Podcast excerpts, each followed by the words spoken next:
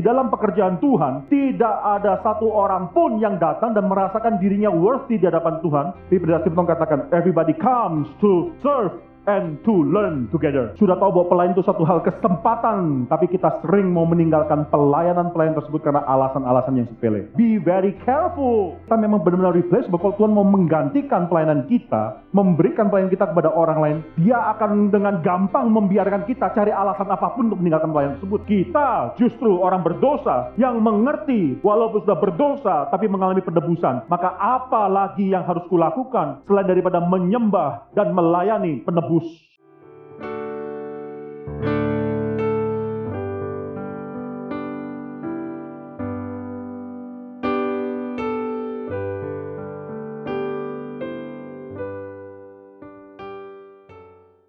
Surah hari ini kita akan masuk dalam pemberitaan firman Tuhan. Kita akan meneruskan kembali daripada eksposisi kitab Ibrani. Ini adalah kali ke-13 kita akan membahas kitab Ibrani ini. Kita akan membuka Ibrani pasal yang pertama, saudara, dan kita masih terus membahas daripada ayat ke-7 sampai ayat ke-9.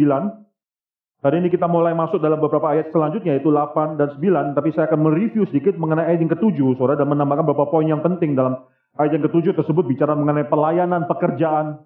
Itu satu hal yang sangat penting sekali, saudara. Kita akan membaca, saya akan membacakan ayat yang ke-7, dan saudara sekalian akan membaca bersama-sama ayat yang ke-8 dan yang ke-9. Inilah firman Tuhan.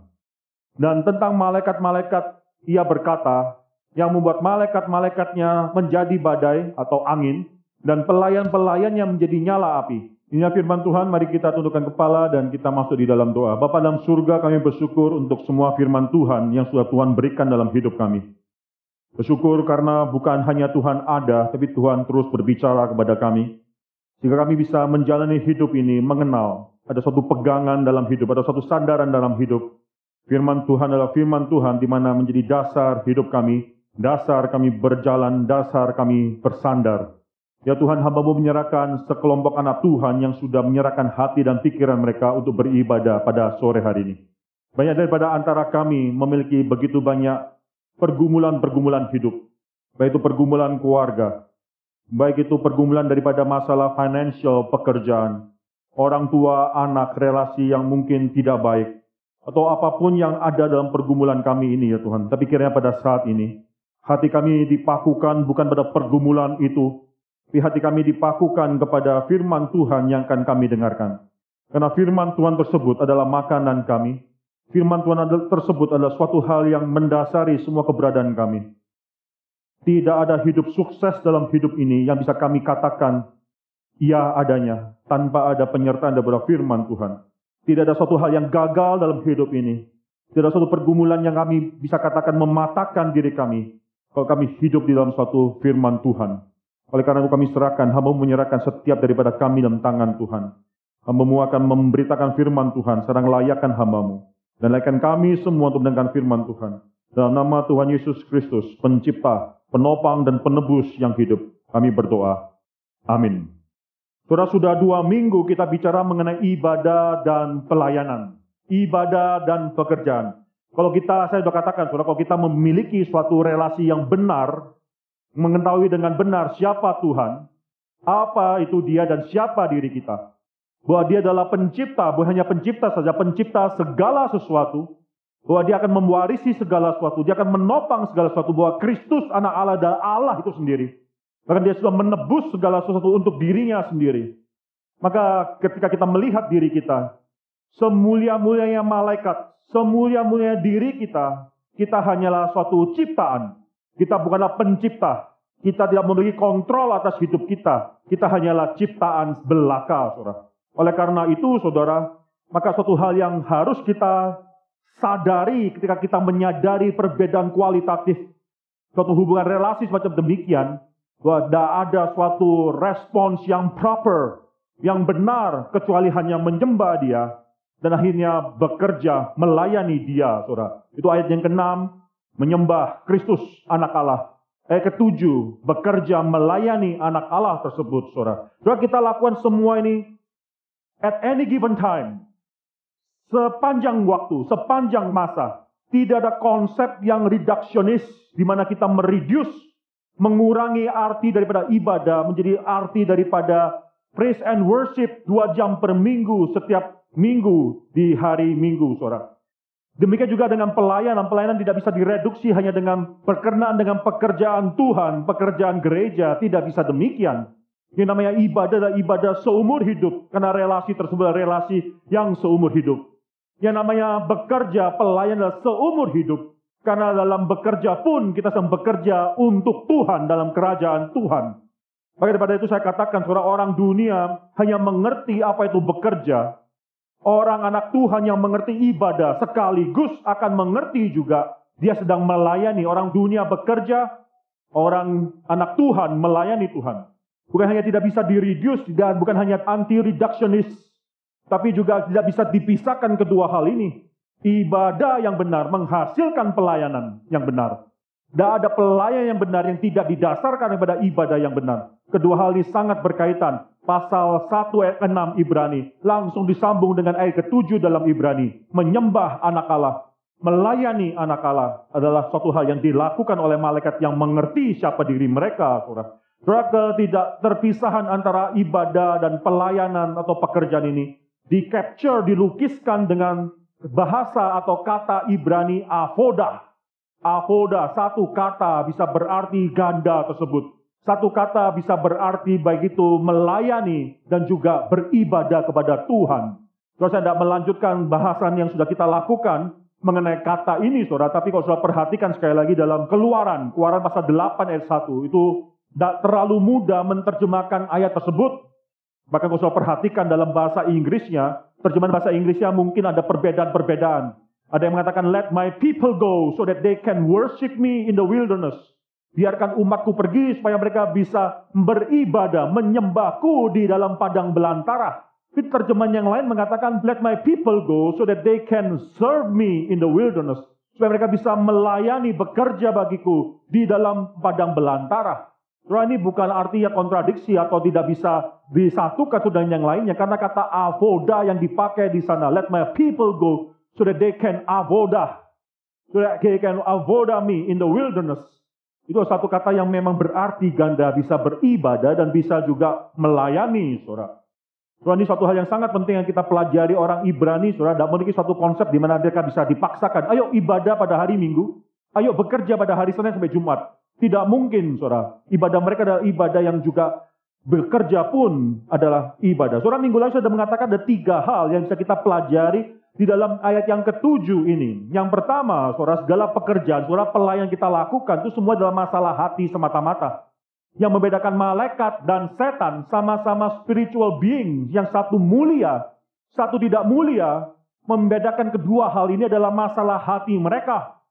Setan tidak mulia karena tidak mau menyerahkan hati mereka kepada Tuhan, khususnya pada anak Allah mereka tidak mau menyembah anak Allah. Mereka tidak mau akhirnya juga melayani anak Allah tersebut. Oleh karena itu dibuang setan. Dan kehilangan kemuliaan sudah diberikan oleh Tuhan pada mereka.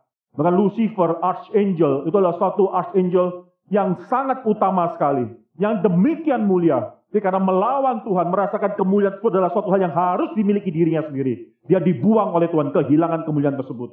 Saudara, hati adalah masalah yang demikian penting. Apalagi kita, saya katakan, apalagi kita.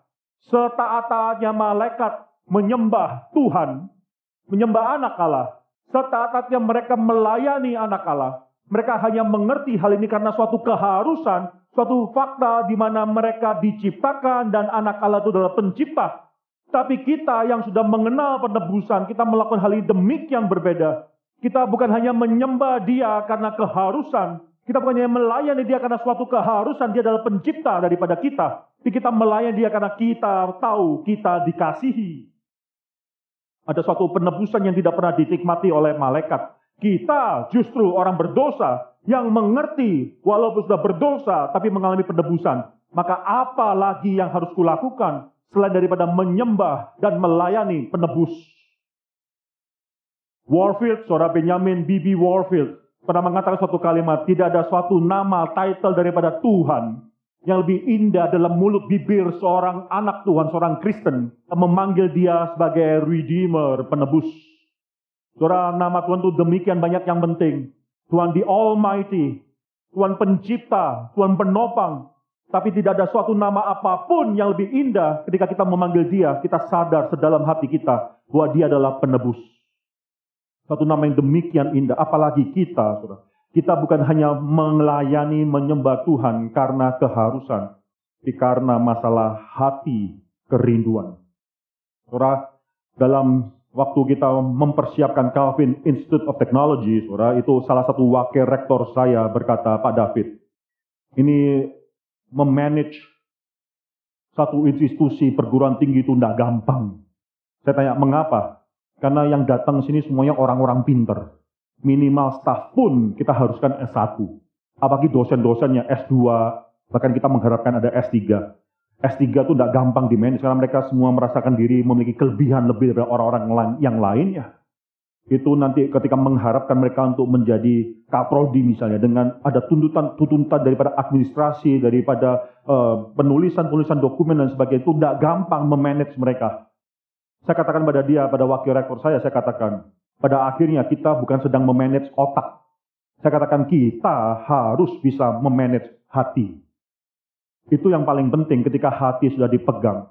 Ketika hati sudah kita manage, hati yang setia kepada Tuhan. Itu semua pekerjaan yang lainnya akan gampang dilakukan. Ini akan membedakan CIT dengan institusi lainnya karena kita mengetahui yang penting adalah mereka memberikan hati kepada Tuhan.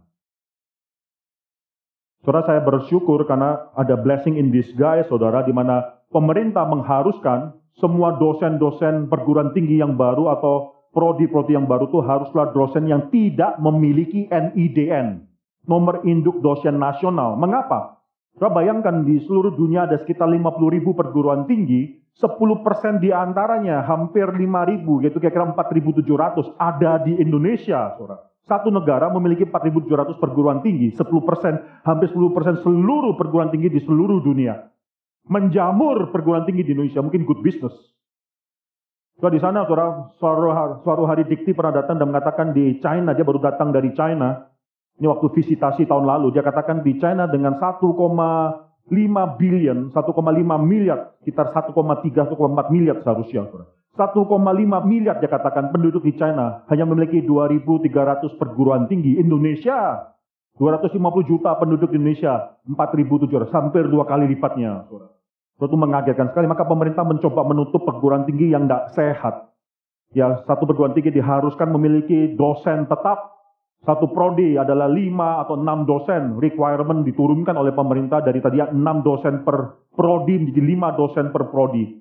Maka di sini, saudara, maka ketika kita memulai satu perguruan tinggi yang baru, suatu prodi, ada enam prodi sekaligus kita mulai baru tersebut, kita diharuskan memiliki 30 dosen, terjadi 36 dosen, dan semuanya bukanlah yang memiliki NIDN atau dosen daripada perguruan lainnya.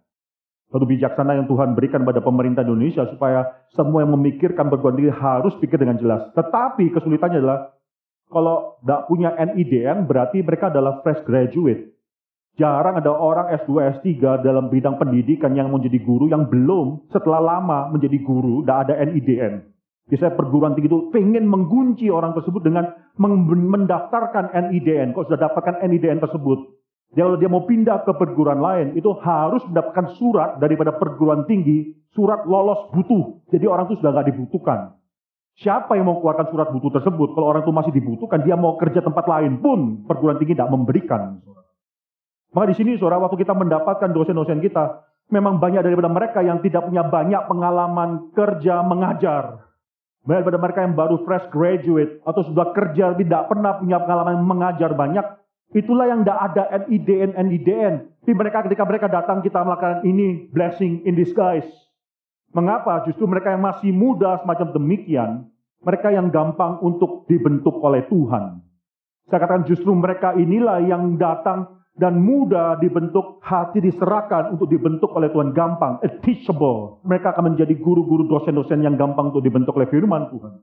Ini suatu perjuangan yang penting sekali, saudara. Banyak sekali ketika orang mendaftarkan anaknya, mereka mulai bertanya, siapa gurunya, berapa banyak pengalaman mengajarnya, dan sebagainya. Lalu kita katakan memang tidak banyak. Saudara, banyak orang yang mungkin tidak mengerti apa yang sedang kita lakukan, kenapa tidak mencari guru yang banyak pengalaman kerja. Saya katakan bisa, kalau perlu proses NIDN-nya pun kita bisa proses lolos butuh tersebut kalau kita mau. Tapi sering kali ketika mereka datang dengan begitu banyak pengalaman kerja, mereka akhirnya bukan menyediakan hati untuk dibentuk oleh Tuhan. Mereka hanya mau menyumbangkan pengalaman mereka. Pengalaman penting, saudara. Tapi hati yang mudah dibentuk itu jauh lebih penting. Saudara yang kedua, kalau sudah melihat daripada uh, Ibrani pasal 1 ayat ke-7 ini bicara mengenai ketidaklayakan. Saudara di dalam pekerjaan Tuhan, tidak ada satu orang pun yang datang dengan merasakan dirinya worthy. Ingat sekali lagi, di dalam pekerjaan Tuhan, tidak ada satu orang pun yang datang dan merasakan dirinya worthy di hadapan Tuhan. Karena aku memiliki skill tertentu, karena aku memiliki waktu, karena aku memiliki manajemen skill dan lain sebagainya, karena aku memiliki talenta-talenta tersebut. Maka saya cocok untuk dipakai oleh Tuhan. Tidak, tidak ada. Sudah ini saya katakan juga di CIT, di gereja ini, ini suatu yang dikatakan oleh pendeta Stephen Tong yang bertahun-tahun mereka yang sudah mengenal gerakan ini akan mengerti apa yang dikatakan ini. Itu satu kalimat. Nobody comes to help and to contribute. Tidak ada satu orang pun yang datang untuk membantu dan memberikan kontribusi. Tentunya semua orang datang ada suatu hal yang mereka bisa kontribusikan, tapi mentalitas kita bukan mentalitas macam demikian. Nobody comes to help and to contribute. Berdasarkan Stephen katakan, everybody comes to serve and to learn together. Semua orang datang untuk melayani dan untuk belajar bersama a teachable heart. Saudara, dari mana saya bisa melihat hal tersebut? Kalau saya bandingkan terjemahan daripada Mazmur pasal 104 ayat 4 dengan terjemahan daripada Ibrani pasal 1 ayat ke-7. Ibrani pasal 1 7 mengambil, mengkutip Mazmur pasal 104 ayat 4, tapi berbeda, demikian berbeda. Saya perhatikan dalam Ibrani pasal 1 ayat ke-7 yang membuat menjadikan malaikat-malaikat suruhan-suruhannya menjadi angin dan pelayan-pelayannya menjadi nyala api. Jika saudara balik dalam Mazmur pasal 104 ayat 4, di sana dikatakan, Tuhan mengatakan, yang menjadikan angin suruhan-suruhannya dan nyala api pelayan-pelayan. Di sini sekali lagi menyatakan suatu hal bahwa malaikat itu ini bukan dua hal yang kontradiksi tidak. Baik perjanjian lama perjanjian baru semua dinafaskan oleh Tuhan. Maka ada arti yang lebih mendalam malaikat itu adalah malaikat yang hanya seperti ciptaan saja. Nothing special about them. Tidak ada satu hal yang spesial dalam diri malaikat, dalam pelayan daripada malaikat. Tuhan bisa juga mencapai kehendaknya sendiri melalui ciptaan. Tidak perlu harus melalui pribadi-pribadi malaikat tersebut. Bisa juga melalui angin yang diciptakan. Bisa juga melalui api yang ada. Tuhan bisa menjadikan atau melakukan kehendaknya. Saudara.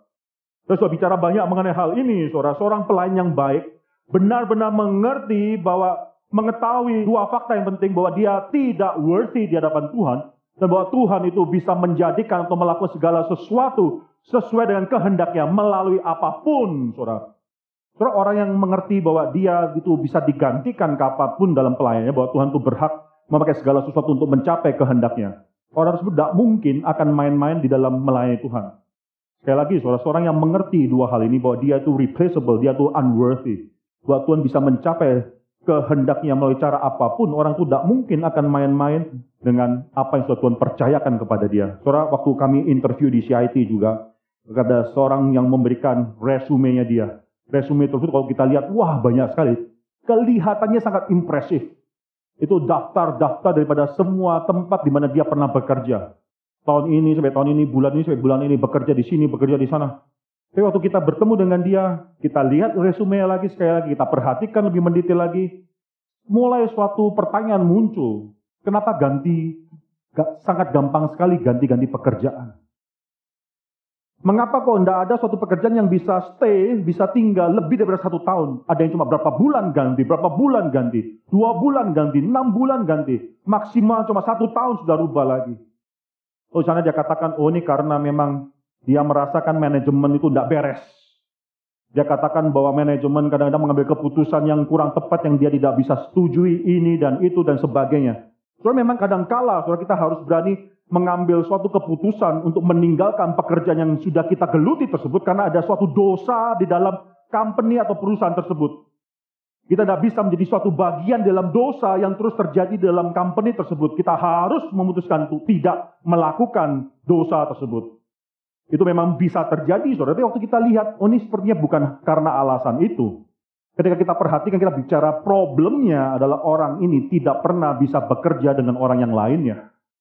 Problemnya hanya simple, orang ini merasakan diri tidak cocok di sini, tidak seharusnya di sana, dia merasakan diri worthy dan dia merasakan dia bisa melakukan hal yang lebih baik lagi yang tidak seharusnya dikukung oleh manajemen atau pimpinan di saat itu, saudara.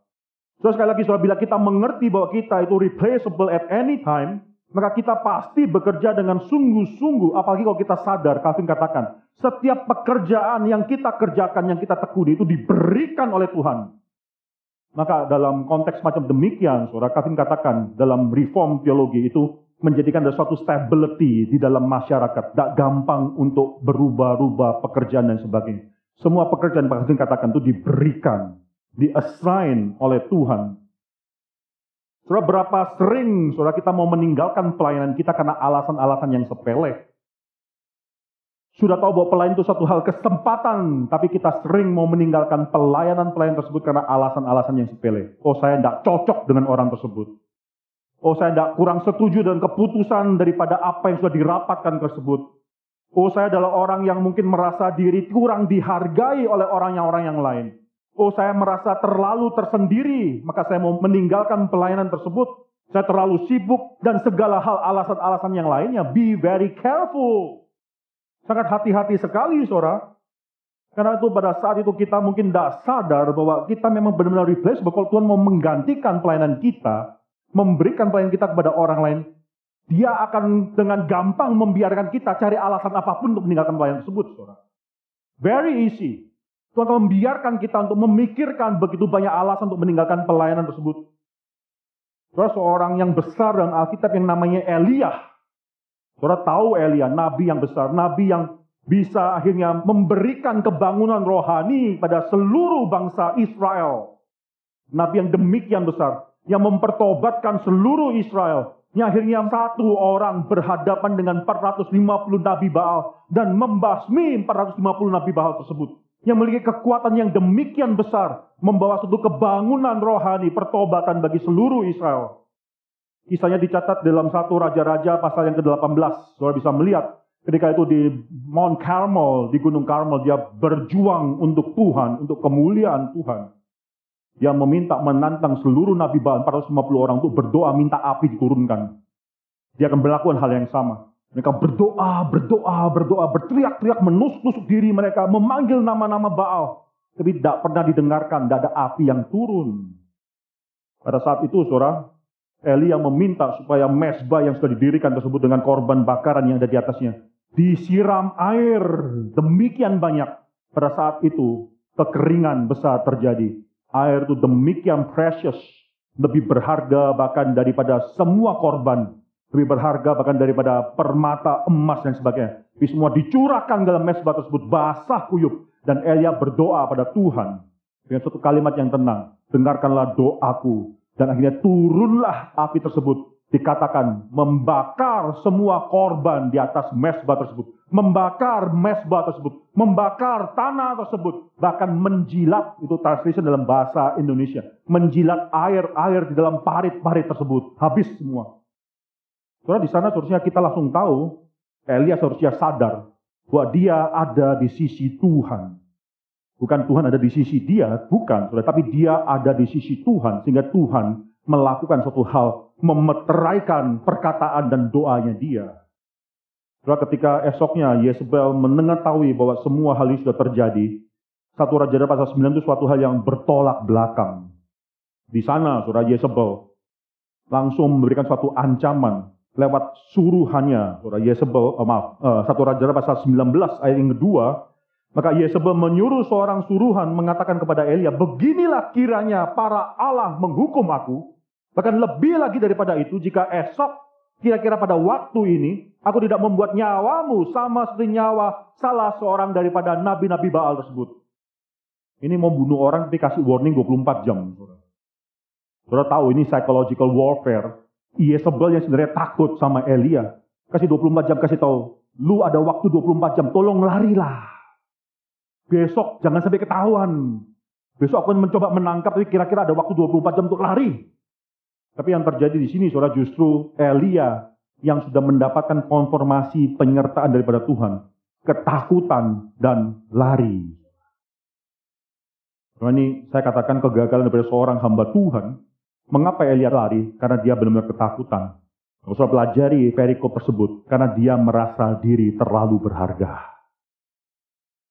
Soal di sini saudara-saudara bisa melihat Elia dalam satu Raja pasal 19 ayat 3 pergi ke Beersheba, lari ke Beersheba itu sampai yang paling bawah di daerah Promised Land, tanah perjanjian dia turun ke bawah sebisa mungkin lari sejauh mungkin daripada Jezebel. Lalu dia diberikan makan oleh Tuhan, bahkan dia bisa lari terus 40 hari, 40 malam sampai ke gunung Tuhan, gunung Horeb. So, dalam ayat yang keempat, itu Elia berkata sama Tuhan, minta mati. Minta mati. Dia katakan, cukuplah sudah. Sekarang, ya Tuhan, ambillah nyawaku, karena aku tidak lebih baik daripada nenek moyangku. Ambillah nyawaku. Coba coba kita buka, surah satu Raja pasal 19. Satu Raja pasal 19 ayat yang ke 8, saudara, dia sudah turun berjalan 40 hari 40 lamanya ke gunung Allah, yakni gunung Horeb. Ayat yang ke-9, di sana masuklah ia ke dalam gua itu. Saudara, gunung Horeb adalah gunung yang dikenal dalam perjanjian lama sebagai gunung di mana Tuhan menurunkan 10 hukum Allah, 10 hukum Taurat tersebut. Ini adalah satu gunung yang demikian terkenal dalam sejarah orang Israel, Bahkan di ayat 9 dikatakan dia masuk dalam gua itu, bukan sebuah gua, bukan cuma gua apa pun, tapi gua itu, that cave, dalam bahasa asli, dalam bahasa Grekanya. Gua tersebut mungkin adalah gua yang pernah dimasuki oleh Musa juga, gua yang sangat terkenal. Dia masuk ke dalam dan bermalam di situ, maka firman Tuhan datang kepadanya. Demikian, apakah kerjamu di sini, hai Elia? Soalnya ketika Tuhan bertanya dalam hidup kita, itu bukan cuma bertanya status kita, atau di dalam Taman Eden. Di manakah engkau, Adam? Itu bukan cuma Tuhan tanya, mana lokasimu? Apa kerjaanmu di sini? Itu pertanyaan jauh lebih mendalam yang mempertanyakan siapa diri kita dan apa relasi kita dengan Tuhan. Ketika Adam sudah berdosa, Tuhan bertanya, di manakah engkau? Adam meminta pertanggungjawaban daripada Adam. Sekarang di mana posisimu di hadapan aku lah. Itu satu permintaan tanggung jawab. Di sini juga demikian. Apakah kerjamu di sini, hai Elia? Itu kan Tuhan tidak tahu. Tuhan sedang meminta pertanggungjawaban daripada Elia. Engkau adalah nabi. Nabi yang seharusnya berbicara kepada umat Tuhan. Nabi Tuhan berbicara pada umat Tuhan seharusnya terjadi. Tapi di sana dia sedang sembunyi. Apa kerjamu di sini, hai nabiku Elia? Saudara langsung melihat di sana Elia langsung memberikan suatu jawaban. Jawaban di sini adalah suatu jawaban yang menarik, saudara. Di sini jawaban yang menunjukkan Elia punya banyak alasan untuk mengasihani dirinya sendiri. Ayat yang ke-10. Jawabnya, Aku bekerja segiat-giatnya bagi Tuhan alam semesta alam. Karena orang Israel sudah meninggalkan perjanjianmu, meruntuhkan mesbah-mesbahmu, membunuh nabi-nabimu dengan pedang. Hanya aku seorang dirilah yang masih hidup, dan mereka ingin mencabut nyawaku. Saudara itu kata aku kuat berulang-ulang kali. Roy Elia mengatakan bahwa dia adalah orang satu-satunya yang tertinggal di Israel yang masih mau taat kepada Tuhan dan itu pun sekarang mereka mau menghancurkan atau membunuh aku. Kalau aku sudah dibunuh, bagaimana pekerjaan Tuhan? Kalau aku sudah dibunuh, maka gagallah semua rencana Tuhan. Maka aku harus menyelamatkan diriku karena mereka sekarang ingin membunuh orang yang terakhir ini yang masih melayani Tuhan. Saudara, Tuhan diam, saudara. Seringkali dalam Tuhan menegur di hidup kita, lalu kita menjawab dan mengutarakan begitu banyak hal kepada Tuhan, Tuhan mendiamkan kita. Itu bukan jawaban yang Tuhan inginkan, itu jawaban yang jauh daripada kebenaran. Alasan-alasan yang tidak ada poinnya di hadapan Tuhan. Tuhan berdiam diri dan akhirnya, ini yang menarik, Tuhan kembali menanyakan kalimat pertanyaan yang sama. Dan Elia kembali menjawab jawaban yang sama. Eh, ke-13, saudara. Apakah kerjamu di sini, hai Elia? Pertanyaan yang sama. Jawabnya, saya baca kalimat tersebut, tidak ada bedanya jawaban daripada Elia. He has learned nothing. Jawabnya, aku bekerja segiat-giatnya bagi Tuhan Allah semesta alam. Karena orang Israel telah meninggalkan perjanjianmu, meruntuhkan mesbah-mesbahmu, dan membunuh nabi-nabimu dengan pedang. Hanya aku seorang dirilah yang masih hidup, dan mereka ingin mencabut nyawaku. Tidak ada perbedaan jawabannya. Kalau di sini, soal opportunity is finished. Saudara perhatikan apa jawaban Tuhan kepada Elia. Maka Tuhan katakan suatu kalimat yang demikian penting yang harus Elia dengarkan. Tuhan katakan di sana, ayat yang ke-16, Saudara. harus kau urapi Elisa bin Safat menjadi nabi menggantikan engkau. Maksudnya apa? Kamu pikir kamu unik? No. Sekarang urapi Elisa menggantikan kau. Tugasmu, tanggung jawabmu sudah selesai. Setelah ayat atau setelah perikop ini, saudara tidak akan melihat Elia melakukan suatu pekerjaan besar lagi bagi Tuhan. Dan sampai di sana, surah ayat ke-18 itu suatu sindiran yang pedas pada Elia. Tetapi aku telah, ini dalam translation lain, dalam bahasa lain, dalam terjemahan aslinya bukan cuma akan, will, will do something, but has done something. Tetapi aku telah meninggalkan 7.000 orang di Israel yakni semua orang yang tidak sujud menyembah Baal dan yang mulutnya tidak mencium dia. Elisa salah satunya. Kau pikir kamu tinggal satu-satunya melayani Tuhan? You are replaceable. Tuhan katakan kepada Elia, you are replaceable. Sekarang urapi Elisa. You are not the only one, you are just one among those 7,000 people. Sekarang urapi Elisa menggantikan engkau. Suatu hal yang sangat luar biasa besar kalau Tuhan berkata demikian pada hidup kita. Nothing is unique about you. Saudara, sebagai pelayan Tuhan, Ibrani pasal 1 ayat ke-7, saudara compare dengan Mazmur pasal 104 ayat 4, itu jelas mengatakan kita dengan gampangnya bisa diganti oleh Tuhan. God is so supreme. He is so sovereign over his creation. Dia bisa berdoa atas seluruh ciptanya. Dia bisa mencapai seluruh kehendak dia melalui apa pun yang ada di dalam ciptaan tanpa harus melalui kita. Saudara, maka di sini saudara satu hal yang demikian penting adalah kita harus mengakui kegagalan yang sering kita lakukan adalah ketika kita merasakan ada something yang worthy dalam hidup kita yang bisa kita lakukan yang di mana Tuhan saya akan memerlukan kita, saudara. Hal yang ketiga yang kita bisa pelajari dari pasal pertama yang ketujuh dari Ibrani, saya sudah katakan minggu lalu, itu saya akan tambahkan dua hal lagi. Saudara, saya katakan minggu lalu bicara mengenai dignitas daripada pelayanan kita, karena Tuhan yang memberikan pengertian atau natur, penjelasan natur atas pelayanan kita. Dia menjadikan malaikat-malaikat atau suruh-suruhannya seperti api. Dia menjadikan pelayan-pelayannya menjadi angin dan nyala api. Itu dua hal adalah natur yang diberikan Tuhan kepada pelayan-pelayan Tuhan. Bukan kita yang mencari apa itu natur kita. Tapi Tuhan yang memberikan, mendefinisikan itu. Saya tidak bicara lagi mengenai apa itu angin, apa itu nyala api. Itu dua hal yang demikian berbeda. Tapi ada makna yang demikian mendalam sudah bisa pelajari di sana, saudara. Yang mau saya tekankan hari ini bukan cuma Tuhan memberikan dignitas pelayanan melalui definisi natur pelayan-pelayannya. Tapi yang kedua yang sudah pelajari dalam ayat yang ini, saudara, adalah suatu fakta bahwa Tuhan itu yang memungkinkan semua ini bisa terjadi. Tuhan yang menyanggupkan kita bisa melayani Tuhan. Perhatikan saudara dalam Ibrani pasal 1 ayat ke-7, di dikatakan Tuhan yang membuat, yang menjadikan malaikat-malaikatnya menjadi api dan menjadikan pelayan-pelayannya yang menjadi nyala api. Tuhan yang menyanggupkan. He's the one who enables us to do His will. Jadi satu hal yang sangat penting sekali harus kita pelajari. Yang membedakan kita bekerja dengan kita melayani. Seorang pelayan, pelayan Tuhan sadar. In everything he does or she does, saudara. Itu adalah karena Tuhan yang menyanggupkan kita melakukan hal tersebut. Saudara, waktu saya menikah, saudara, saya menikah lalu tiga bulan kemudian, saya waktu itu saya masih ingat di ruangan tersebut, saya sedang menganalisa data. Ya, saya kerja di University of Connecticut sebagai researcher, grad student pada saat itu. Lalu saya mendapat telepon daripada istri saya mengatakan, David, dia baru melakukan check up reguler ke dokter. Ya, kenapa? Gitu ya. Tahun ini Desember kamu jadi papa ya? Wah, saya kaget, saudara. Papa? Jadi apa? Jadi papa. Saya tahu papa itu apa. Saya tahu pap, saya pernah punya papa. Tapi jadi papa itu suatu hal yang saya tidak pernah ada pengalaman. Syukur gak ada pengalaman, saudara ya. Kalau ada pengalaman jadi papa baru menikah itu suatu hal yang fatal, saudara ya. Saudara, apa itu papa? Saya mulai cari di internet. Papa, father, how to become a good dad. Cari-cari di Google, cari-cari. Ini maksudnya bagaimana? Saudara, itu pergumulan yang panjang sama 9 bulan. Saya terus mikir, apa itu papa?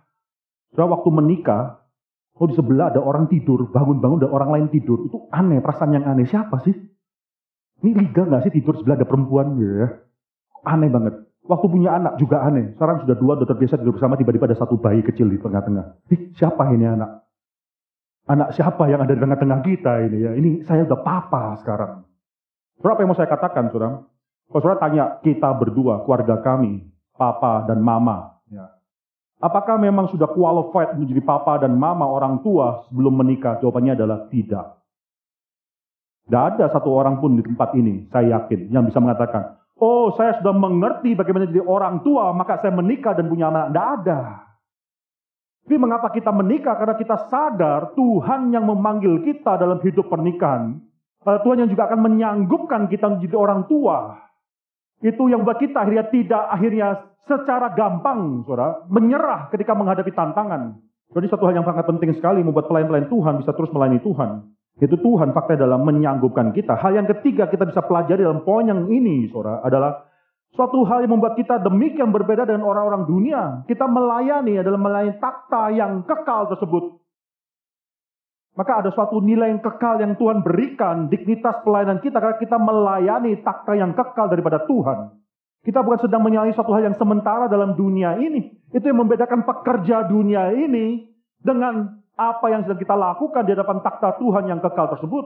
Orang dunia bekerja itu hal-hal yang sangat sementara sekali. Seringkali saudara hidup kita tidak memiliki perspektif daripada kerajaan Tuhan. Tidak punya perspektif daripada kekekalan. Kita apa pun yang kita lakukan, apa pun yang kita putuskan, itu hanya masalah kesementaraan saja. Saudara penulis Ibani nanti dalam pasal-pasal yang selanjutnya kita akan pelajari. Memberikan suatu peringatan, peringatan Esau. Dia katakan jangan menjadi seperti Esau yang tidak kudus itu. Yang akhirnya menjual hak sulungnya hanya untuk demi satu kali makan, satu makan saja, satu kali makan saja. So, adakah orang yang sebodoh semacam demikian? Menjual semua hak sulung dia. Oleh karena itu Esau tidak pernah bisa mendapatkan doa sulungnya, saudara. Doa sebagai anak sulung. Dia menjual hak sulungnya hanya karena pada saat itu terlalu rapar, sangat ingin makan sup yang diberikan oleh Yakub. Itu adalah orang yang impulsif. Tapi berapa banyak, berapa sering kita akhirnya melakukan hal tersebut dalam hidup ini. Berapa sering itu hal-hal yang karena kenikmatan sementara kita membiarkan diri kita berdosa. Berapa sering itu kenikmatan yang sementara kita membiarkan kita mengambil keputusan yang selama-lamanya kita tahu kita pasti akan sesalkan. Kita menjual diri kita untuk kenikmatan kesementaraan. Kita tidak memiliki suatu perspektif yang eternal. Di mana kita melihat kemuliaan Tuhan yang kekal. Kita mau menantikan kemuliaan Tuhan tersebut. Terus Sabtu kemarin ada Agus Marjanto memberikan suatu khotbah dalam persekutuan doa yang sangat baik sekali, saudara. Kalau saudara datang, bersyukurlah. Kalau saudara nggak datang, saudara tidak akan tahu bagaimana menyesal. Saudara di sana pendeta Agus menyatakan satu hal yang sangat sulit dilakukan oleh anak Tuhan adalah menantikan waktu Tuhan. Salah satu hal yang paling sulit yang tidak bisa sering kali orang anak Tuhan gagal lakukan adalah menantikan waktu Tuhan, menantikan Tuhan.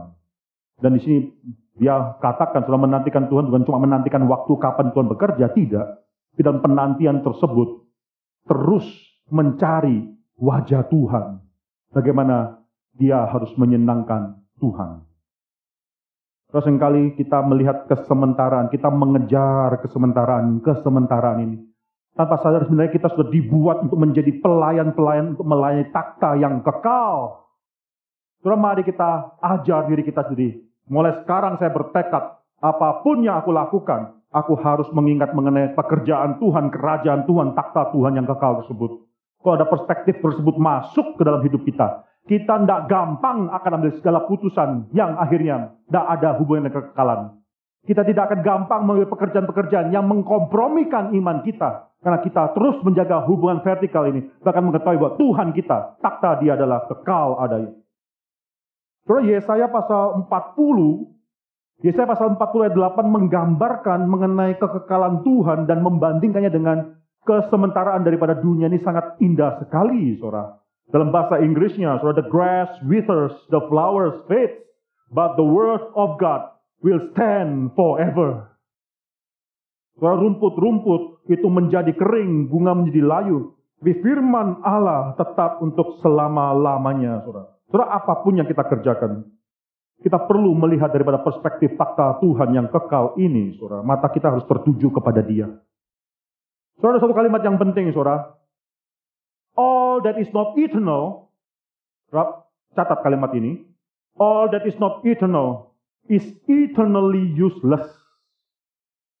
Sekali lagi, all that is not eternal is eternally useless. Segala sesuatu yang tidak kekal adalah gak ada gunanya secara kekal. Maka ini yang membawa kita pada poin dignitas yang terakhir di sini, saudara. Kita sedang melayani bukan suatu hal yang kecil dalam dunia ini. Bukan hanya cuma kesementaraan dalam dunia. Dignitas pelayanan kita, apa pun yang kita lakukan, kalau kita sadar kita sedang bekerja melayani Tuhan, kita sedang melayani takhta yang kekal tersebut. Bukan keinginan kemuliaan yang akan segera lewat, tapi keinginan dan kemuliaan daripada takhta Tuhan. So, mari kita perhatikan ayat selanjutnya, saudara. Ada suatu kalimat atau suatu hal yang penting yang lainnya. Ini bisa kita pelajari dari ayat yang ke-8 ini. Fakta bahwa Allah menciptakan, fakta bahwa dia pencipta, fakta bahwa dia adalah pencipta, penopang, pembuaris segala sesuatu. Fakta bahwa dia duduk di atas takhta Allah yang kekal, taktanya yang kekal tersebut. Fakta ini akhirnya membuat kita men, harus melayani, menyembah dia, bahkan untuk kekekalan semua fakta ini tidak lebih penting daripada suatu fakta yang lebih penting bahwa apa natur daripada Allah itu sendiri. Apakah natur daripada Allah yang kita layani ini, saudara? Nah, kalau kita cuma menekankan bahwa dia adalah pencipta dan kita adalah ciptaan, maka di sana cuma keharusan saya harus bekerja. Itu mentalitas budak. Mentalitas budak, saudara. Saya harus bekerja karena dia Tuhan, saya adalah hamba. Memang perlu kadang-kadang mentalitas macam demikian di tengah dunia yang semakin lama semakin jauh daripada Tuhan. Tapi ketika saudara tahu ada suatu hal yang lain yaitu natur dia itu demikian indah. Bahwa dia bukanlah raja yang sembarangan, dia bukanlah raja yang semena-mena, dia bukanlah pemerintah yang menjalankan pemerintahnya secara tangan besi. Dia adalah raja yang memiliki natur yang demikian sempurna. Maka saudara di sini keharusan menjadi kerelaan. Kita mau melayani dia karena siapa dia dan natur dia. Kita mau, kita rela, kita bahkan mau berkorban bagi dia karena siapa dia. Saudara, perhatikan di sini. Ini ke-8, saudara. Tetapi tentang anak, ia berkata, takhtamu ya Allah tetap untuk seterusnya dan selamanya. Dan tongkat kerajaanmu adalah tongkat kebenaran. The scepter of your throne, of your kingdom a scepter of uprightness, tongkat kebenaran. Maka di sini saudara kita bukan sedang melayani seseorang yang semena-mena, tidak. Tongkat kerajaan dia, tanda kerajaannya dia, tanda kekuasaan dia yang total, tanda otoritas dia yang total adalah suatu tongkat kebenaran, uprightness. Saudara, apa maksudnya di sini? Saudara, minggu-minggu depan kita akan bicara mengenai natur daripada uprightness tersebut. Tapi secara garis besar saudara bisa melihat dalam ayat ke-9, uprightness tersebut akhirnya dijabarkan dengan dua kualifikasi natur Tuhan yang lainnya. Yaitu engkau mencintai keadilan. Di kaiosone bahasa aslinya, saudara engkau mencintai ini righteousness dan membenci yang namanya anomia, yaitu lawlessness. A dalam bahasa Greka selalu adalah negation atau bukan. Anomia, yaitu ketidakadilan atau lawlessness, wickedness di sini, saudara. Sampai di sini, saudara-saudara bisa memperhatikan dua hal ini adalah dua hal yang sangat dijunjung tinggi oleh Allah yang adalah natur daripada Allah. Di kaiosone dan juga anomia tersebut, yaitu engkau adalah Tuhan yang akhirnya menjalankan keadilan, mencintai keadilan dan membenci kefasikan. Saudara, tidak ada satu orang pun yang bisa mengatakan diri yang mencintai keadilan tanpa membenci kefasikan. Dan satu orang yang bisa mengatakan bahwa dia mencintai righteousness tanpa membenci wickedness.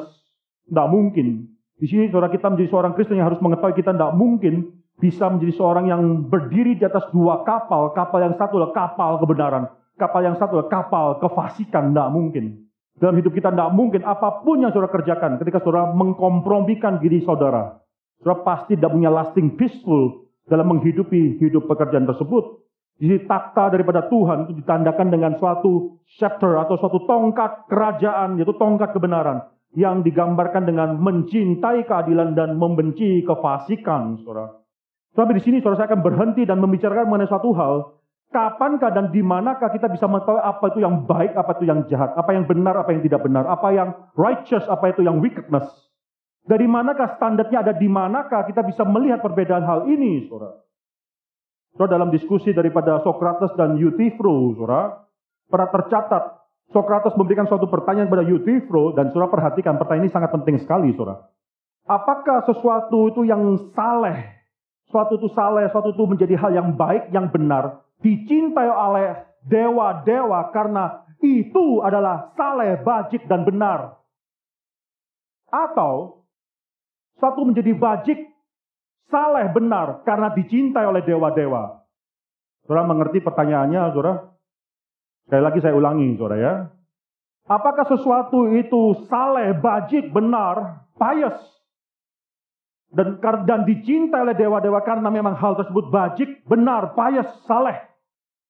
Ataukah sesuatu menjadi bajik, benar, dan saleh, pious karena dicintai oleh dewa-dewa? Jadi pertanyaan jadi pertanyaan dilema daripada apa itu yang baik dan benar dilema daripada Pro, saudara sudah dikenal sekitar 2500 tahun. Itu satu dilema yang demikian penting. Saya akan jelaskan secara lebih sederhana, saudara. Di mana, pertanyaan adalah di manakah standar kebenaran tersebut? Di manakah standar apa yang baik dan yang tidak baik tersebut, saudara? Apakah sesuatu itu adalah baik karena ada suatu standar di luar diri Tuhan, di luar diri para dewa-dewa daripada orang Greka tersebut, sehingga dia melihat itu baik, maka dewa-dewa pun mencintai hal tersebut. Itu pertanyaan pertama. Apakah ada suatu standar di luar diri pada dewa-dewa di mana standar itu dipakai untuk menyatakan sesuatu itu baik dan dewa-dewa mencintai karena melihat memang hal tersebut baik? Ataukah pilihan yang kedua, standar baik itu ada dalam diri dewa-dewa tersebut sehingga apa pun yang mereka cintai itu adalah baik? Mana yang benar, Saudara?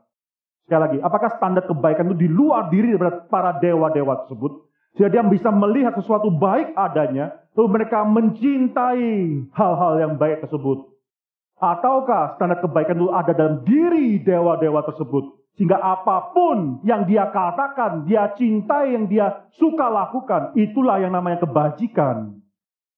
Soalnya suatu pertanyaan yang besar, saudara, mengapa? Karena pada akhirnya pertanyaan adalah apakah dewa-dewa itu absolut atau tidak? Apakah dewa-dewa itu harus tetap melihat sesuatu di luar diri mereka untuk menyatakan apa yang baik? Kalau demikian, maka mereka tidak absolut. Ada suatu hal yang lebih besar di mana mereka pun harus tunduk. Ataukah mereka bisa menetapkan sembarang mengatakan ini saya sukai, maka daripada itu semua orang-orang harus menyukai hal yang sama, itulah yang baik.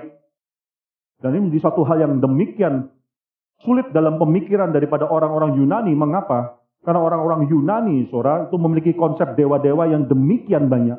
Satu dewa bertentangan dengan dewa yang lain. Bahkan banyak sekali pekerjaan atau apa yang mereka lakukan itu lebih immoral daripada manusia.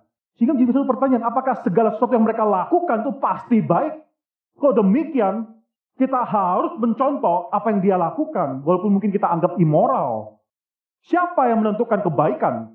Siapa yang menentukan standar apa yang benar dan tidak benar, saudara? Maka saudara, kalau di dalam kekristenan, saudara, hal yang sama sudah diperdebatkan sangat lama, saudara. Apakah Tuhan memerintahkan sesuatu karena hal itu benar? Ya, pertanyaannya, apakah Tuhan memerintahkan sesuatu karena hal itu benar? Atau apakah sesuatu menjadi benar karena diperintahkan oleh Tuhan? Sekali lagi, apakah Tuhan memerintahkan sesuatu karena hal itu benar? Atau sesuatu menjadi benar karena diperintahkan oleh Tuhan? Jawabannya yang mana, saudara? Yang kedua, yakin.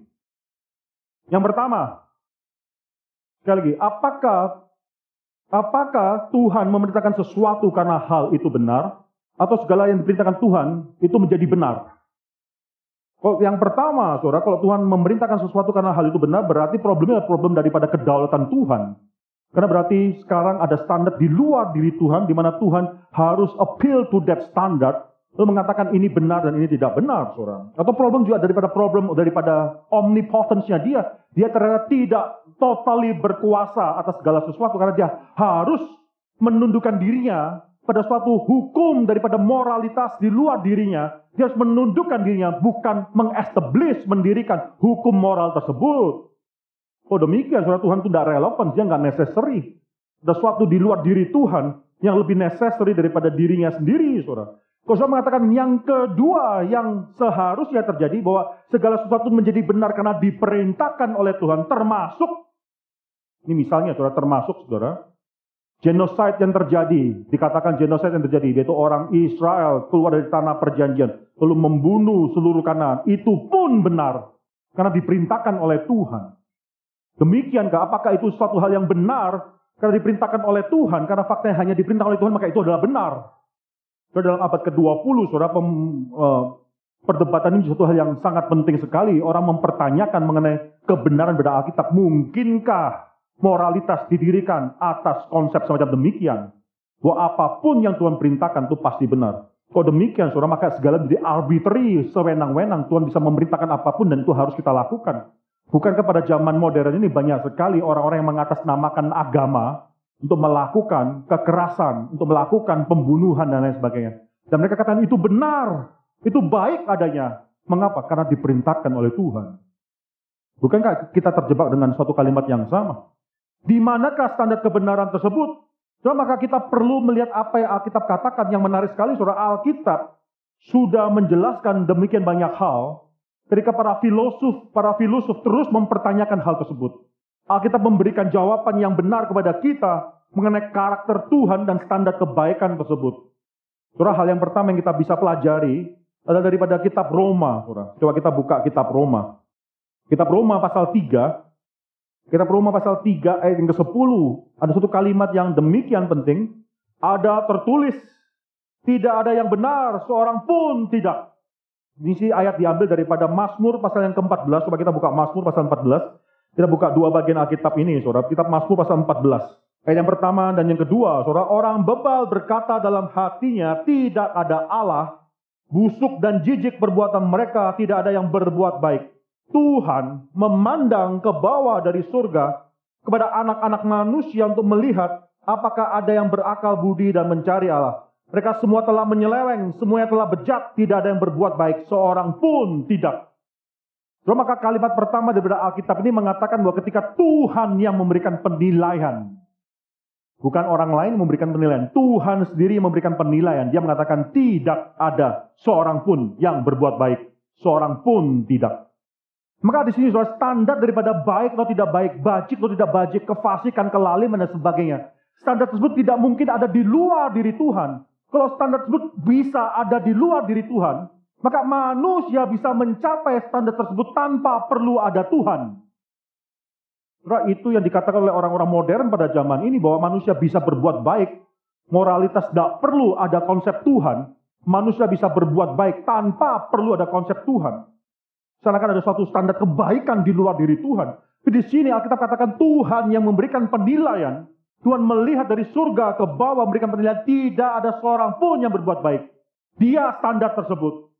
Tidak ada standar di luar daripada Tuhan. Sehingga seseorang bisa mengambil dan melihat standar tersebut. Dan melakukan kebaikan di luar daripada pribadi dan penilaian daripada Tuhan.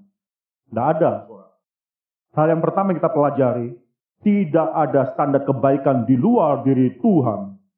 Oh itu kalau demikian, saudara, maka hal yang kedua, kalau standar tidak ada yang standar baik jahat, wickedness, righteousness, tidak di luar daripada diri Tuhan, maka ada di dalam diri Tuhan. Maka saudara bisa melihat, misalnya dalam kejadian pasal yang pertama, buku yang pertama, kitab yang pertama, pasal yang pertama, ayat yang pertama sudah mengatakan suatu kalimat demikian penting yang saya katakan akan menggerogoti Aristotelianisme yang sudah mencokol dalam dunia ilmu, dunia universitas, gereja selama 2500 tahun itu harus digerogoti. 2000 tahun, saudara maaf, 2000 tahun harus digerogoti sebelum akhirnya memungkinkan modern science, ilmu pengetahuan modern bisa berkembang. Ilmu pengetahuan modern berkembang hanya karena satu ayat Alkitab. Salah satunya yaitu ayat daripada kejadian pasal 1 ayat 1 yang menggerogoti Aristotelianisme. Di sini sudah dikatakan pada mulanya Tuhan menciptakan langit dan bumi. Creatio ex nihilo mengatakan selain Tuhan, sebelum Tuhan menciptakan segala sesuatu, tidak ada hal apa pun yang ada di luar diri Tuhan. Maka tidak ada yang namanya standar kebaikan di luar diri Tuhan. Bahkan Tuhan tidak pernah menciptakan standar kebaikan tersebut. Dirinya sendirilah adalah standar tersebut. Dirinya sendiri adalah hukum atas segala sesuatu. Dirinya sendiri adalah standar moralitas, standar daripada kebenaran. Dirinya sendiri adalah standar atas segala sesuatu. Tidak ada suatu standar di luar diri Tuhan. Tidak ada. Mereka dikatakan itu sangat clear dalam doktrin penciptaan. Tuhan menciptakan segala sesuatu dari ex nihilo, ketidakadaan. Saudara bahkan Yesus sendiri mengatakan dalam Yohanes pasal 14 6, akulah jalan, Akulah kebenaran, akulah hidup, saudara. Itu satu klaim yang tidak mungkin bisa dikatakan oleh pendiri agama atau pemimpin agama filsuf lainnya yang berani mengatakan akulah kebenaran itu. Tidak mungkin.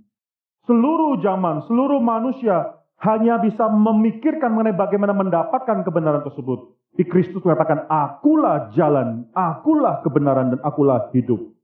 Di sana, dialah standar kebenaran tersebut.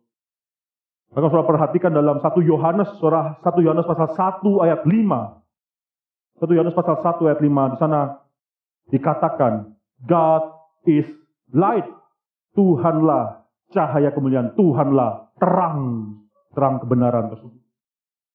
Saudara susul lagi dalam satu Yohanes pasal yang keempat, ayat yang ke-8, ayat ke-16. Di sana dikatakan God is love. Tuhan tidak perlu mencari standar di luar diri dia untuk mengetahui apa itu kasih. Dia sendiri adalah kasih adanya. So, ini satu hal yang kita terus pelajari di dalam Alkitab bahwa Tuhan adalah standar tersebut. Lalu pertanyaan adalah sekarang, mungkinkah Tuhan secara arbitrary menginginkan suatu hal sehingga apa pun yang dia inginkan, manusia harus katakan itu baik adanya. Bahkan kalau dosa pun diinginkan oleh Tuhan, maka manusia pun harus akhirnya mempercaya hal tersebut itu adalah suatu hal yang baik adanya. Maka di sini saudara suatu hal yang penting yang Tuhan katakan, Alkitab katakan bagi kita, kemauan Tuhan tidak bisa dipisahkan daripada natur daripada Tuhan. Itu penting sekali. Orang Greka tidak punya konsep semacam demikian, karena dewa-dewa mereka walaupun personal, pribadi-pribadi, dewa-dewa mereka tidak absolut, kemauan Tuhan tidak bisa dipisahkan daripada natur daripada Tuhan. Dalam doktrin daripada teologi, saudara, daripada teologi Kristen, itu dikatakan doctrine of simplicity of God. Bahwa God is simple. Keinginan Tuhan adalah natur daripada Tuhan. Natur Tuhan adalah keinginan daripada Tuhan. Tidak bisa ada suatu keinginan dari Tuhan yang berbeda dengan natur Tuhan. Dipisahkan daripada natur Tuhan. God is simple. Dalam arti bukan simplistik, saudara. Dalam arti bahwa Tuhan tidak bisa dipisah-pisahkan natur, kehendak, kepikiran, bahkan natur, dan lain sebagainya. Tidak bisa. Kehendak Tuhan adalah cermin daripada natur Tuhan. Tidak bisa dipisahkan. Tuhan tidak mungkin menghendaki sesuatu di luar daripada natur dia. Ada orang yang bertanya, saudara, mungkinkah Tuhan yang demikian berkuasa menciptakan suatu batu yang demikian berat sampai dia sendiri tidak bisa angkat? Mungkin tidak, saudara? Kalau saudara bilang tidak mungkin, oh Tuhan tidak berkuasa, tidak maha kuasa. Kalau saudara bilang mungkin, berarti Tuhan tidak bisa angkat. Tuhan sama nggak maha kuasa, saudara. Mungkinkah Tuhan menciptakan suatu batu yang demikian besar, dia sendiri tidak bisa angkat karena terlalu besar? Atau pertanyaan yang lain lagi, saudara, mungkinkah Tuhan menciptakan suatu gambaran lingkaran daripada persegi panjang atau persegi sama sisi, saudara? Maka di sini, saudara, ini sedang mengkontradiksikan antara kehendak Tuhan dengan natur daripada Tuhan. Di Alkitab katakan, walaupun Tuhan, natur Tuhan itu adalah absolut, Walaupun segala sesuatu yang baik ditentukan daripada diri Tuhan, ada dalam diri Tuhan, Tuhan tidak perlu lihat keluar untuk melihat apa itu yang baik, saudara. Maka di sini Alkitab juga mengatakan bahwa kehendak Tuhan dibatasi oleh natur daripada Tuhan. Sekali lagi, kehendak Tuhan dibatasi oleh natur daripada Tuhan. Tuhan tidak mungkin menghendaki suatu hal yang jahat. Karena natur dia baik adanya. Tuhan tidak mungkin bisa melakukan sesuatu yang melanggar konsistensi daripada dirinya sendiri, daripada naturnya sendiri. Itu suatu hal yang tidak mungkin. Sebenarnya banyak sekali yang nggak bisa Tuhan lakukan. Ya, kalau Tuhan bisa melakukan segala sesuatu, termasuk mengkehendaki dirinya supaya tidak ada, itu suatu hal yang lucu, saudara. Itu bukan konsep Tuhan daripada orang Kristen. Coba perhatikan beberapa ayat yang penting, saudara. Misalnya daripada bilangan pasal 23 19. Bilangan pasal 23 19 di sana dikatakan, God is not a man Tuhan itu bukanlah seorang manusia that he should lie, bahwa dia harus berbohong. Dia bukanlah manusia sehingga ada keharusan bagi dia untuk berbohong. Dia adalah Tuhan dan natur dia adalah natur kebenaran tersebut dia tidak mungkin berbohong. God is not a man that he should lie. Kita bisa melihat juga daripada 1 Samuel pasal 15 ayat 29. 1 Samuel pasal 15 ayat 29 di sana katakan the glory of Israel yaitu Tuhan. Kemuliaan daripada Israel will not lie, will never lie kemuliaan daripada Israel tidak mungkin bisa berbohong. Tidak ada satupun yang dia kendaki yang bisa melawan naturnya sendiri. Yakobus pasal 1 ayat 13. Apabila seseorang dicobai, ya apabila seseorang dicobai, janganlah ia berkata, Pencobaan ini datang dari Allah sebab Allah tidak dapat dicobai oleh yang jahat dan ia sendiri tidak mencobai siapa pun. Ini suatu ajaran-ajaran kitab yang demikian clear mengatakan bahwa Tuhan tidak mungkin arbitrary. Maka problem daripada Socrates yang dia katakan pada Euthyphro, suatu problem yang memang mereka akan terus miliki karena mereka tidak memiliki konsep bahwa Tuhan, kehendak Tuhan tidak bisa dipisahkan daripada natur daripada Tuhan. So, Socrates pada akhir hidupnya dia dituduh sudah meracuni orang-orang Yunani, orang-orang di Athena, orang-orang muda dengan ateisme, mengajarkan sesuatu hal yang membuat mereka meragukan Tuhan. Socrates memang dalam hidupnya terus meragukan, mungkinkah ini adalah Tuhan? Bagaimanakah mungkin dewa-dewa ini akhirnya melakukan sesuatu yang demikian jahat? Bahkan satu berkontradiksi dengan satu yang lain, satu melawan satu yang lain. Bahkan mereka sering kali melakukan hal-hal yang lebih immoral daripada apa yang dilakukan oleh manusia. Mungkin kan ya Tuhan? Dia dianggap sudah meracuni pikiran-pikiran daripada orang-orang muda di kota Athena. Pada akhirnya dia disuruh minum, saudara, satu mangkok, satu satu cawan racun. Dan dia katakan, dia rela minum karena dia mempertahankan ajarannya. Dan dia meminum cawan racun tersebut. Saudara Socrates tidak bisa mengerti bagaimana mungkin ada standar di luar diri daripada Allah, ada suatu standar daripada luar daripada diri dewa-dewa itu akan menjadikan dewa-dewa tersebut sangat useless, sangat irrelevant. Tapi dia nggak bisa mengerti pula bagaimana mungkin dewa-dewa tersebut yang menetapkan standar kebaikan itu. Karena dia melihat dewa-dewa yang rusak, yang tidak absolut. Tapi dalam kekristenan hal ini dijawab dengan demikian sempurna. Memang Tuhan yang menetapkan segala sesuatu. Kalau saya perhatikan dalam keluaran pasal yang ketiga, surat pada saat itu, Musa bertemu dengan suatu malaikat Tuhan. Dia melihat ada ranting-ranting yang terbakar tapi tidak terhabis terbakar oleh api tersebut. Maka di sini sudah dia bertemu dengan dia lalu satu kalimat yang keluar daripada mulut daripada malaikat Tuhan tersebut. Di dalam keluaran pasal 3 ayat 5. Tanggalkanlah kasutmu tersebut karena tempat di mana engkau berdiri itu adalah kudus. So itu adalah kali kedua kata kudus keluar di Alkitab. Pertama adalah setelah menciptakan, Tuhan mengatakan pada hari ketujuh dia mendeklarasikan bahwa seluruh ciptaannya tersebut adalah kudus adanya. Satu kejatuhan dosa terjadi dan kali kedua kata kudus, holy keluar adalah pada saat Musa bertemu dengan Tuhan. Dan Tuhan katakan tanggalkanlah kasutmu karena tempat di mana engkau berdiri itu adalah kudus. Saudara yang menarik di sini saya percaya Musa pasti mungkin sudah pernah melewati daerah tersebut, tapi daerah tersebut, tanah tersebut, tempat tersebut jadi kudus karena hanya kehadiran Tuhan hadir pada saat itu. Dan Tuhanlah yang menetapkan tanah itu kudus. Bukan orang lain, Tuhan yang menetapkan. Saudara, itulah standar daripada apa yang kita percaya ya saudara. Dan di sini kitab Hebrew atau kitab Ibrani pasal 1 ayat yang ke-7, ayat yang ke-8 menyatakan suatu hal yang demikian indah bahwa kita bukan hanya melayani takhta yang eternal, yang kekal tersebut. Tapi lebih daripada itu, kita melayani, kita tahu siapa yang kita layani. Yaitu Allah yang duduk takhta yang kekal, yang adalah upright, saudara, yang adalah benar.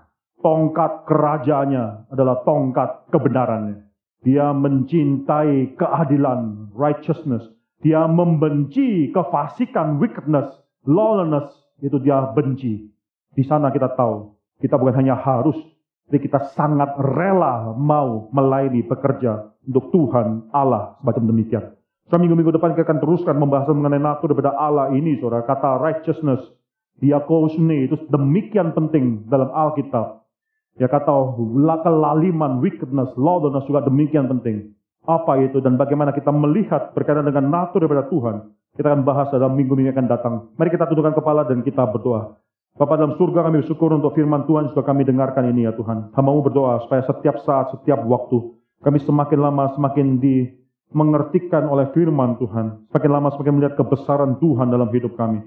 Semakin lama kami semakin memuji kemuliaan Tuhan. Bapa kami serahkan, hamba serahkan semua daripada kami ke dalam tangan Tuhan. Bekerjalah tengah-tengah kami ya Tuhan. Dalam nama Tuhan Yesus Kristus, kami berdoa dan mengucap syukur. Amin. thank you